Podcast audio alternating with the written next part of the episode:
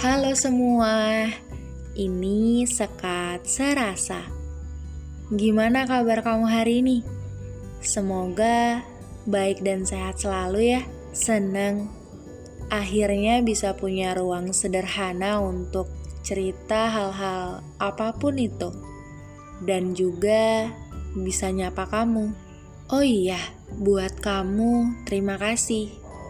Terima kasih untuk yang sudah dengerin dan yang udah mau dengerin.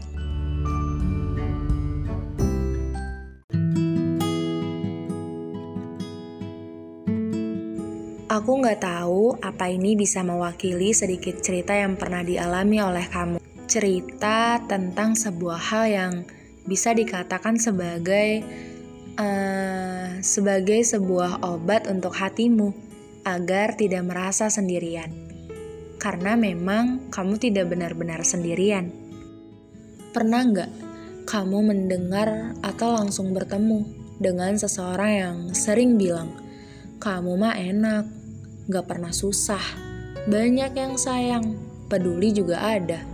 Mungkin karena banyak yang peduli, mau lakuin apa pun itu, pasti ada yang selalu support.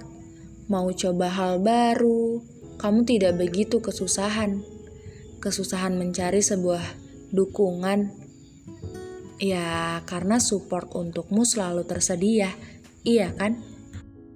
Ada ada yang pernah bertemu dan mendengar keluh orang itu. Keluh orang yang mungkin bumi aja dianggap orang lain baginya. Keluh orang paling susah yang ada di bumi. Dia beranggapan kalau dialah orang yang memiliki masalah paling kusut dari yang kusut. Dia nggak tahu aja, di bumi tersedia banyak sekali alur cerita yang tidak terduga. Apa?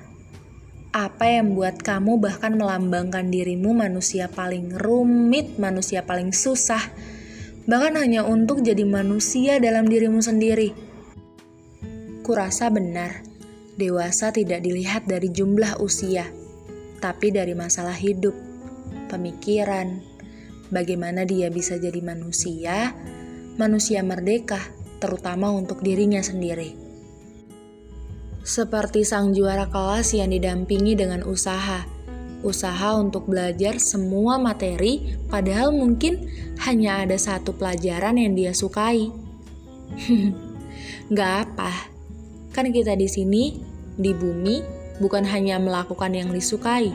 Kadang kita juga harus melakukan hal yang bahkan tidak kita sukai.